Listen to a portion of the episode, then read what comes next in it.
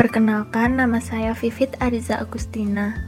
Kali ini saya akan menyampaikan sedikit pembahasan mengenai Pancasila. Kita tahu bahwa setiap negara di dunia ini pasti memiliki sebuah ideologi yang dianut, entah itu sosialis, komunis, liberal, kapitalis, maupun ideologi lainnya. Uniknya, Indonesia sendiri berhasil membentuk suatu ideologi baru yang sekaligus menjadi dasar pandangan hidup serta kepribadian bangsa. Para leluhur menamakannya Pancasila. Pancasila diambil dari bahasa Sanskerta yakni Panca dan Sila. Panca yang berarti lima dan sila berarti dasar atau asas.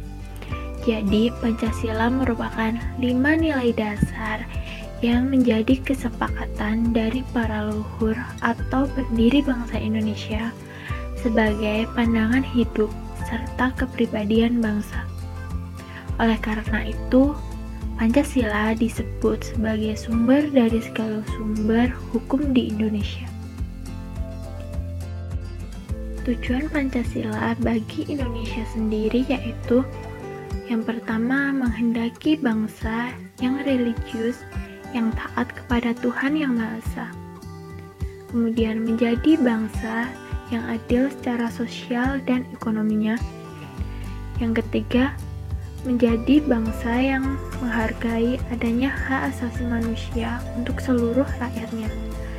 Yang keempat, menghendaki bangsa yang demokratis. Dan yang terakhir, menghendaki menjadi bangsa yang nasionalis yang mencintai tanah air Indonesia. Perlu disadari bahwa kondisi bangsa Indonesia sudah sangat jauh dan berubah semenjak awal kemerdekaan.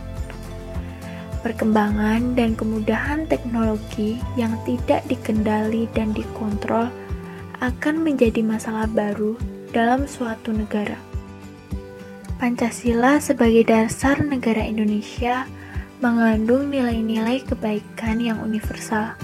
Hal ini menunjukkan bahwa Pancasila bisa diterapkan dalam konteks apa pun, baik pada masa kini, besok, dan masa yang akan datang.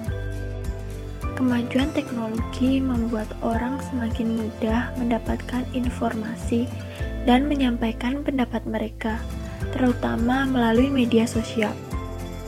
Di balik banyaknya hal positif dari adanya media sosial dan kemajuan iptek ini, juga memunculkan masalah-masalah baru pada bangsa ini. Salah satunya seperti banyaknya tersebar berita hoax atau bohong yang membuat orang menjadi mudah terprovokasi dan membuat Indonesia menjadi rentan terhadap perpecahan. Oleh karena itu, untuk mengatasi krisis nasionalisme yang sedang dihadapi bangsa Indonesia, pemahaman mengenai Pancasila perlu ditanamkan dan dipupuk kembali.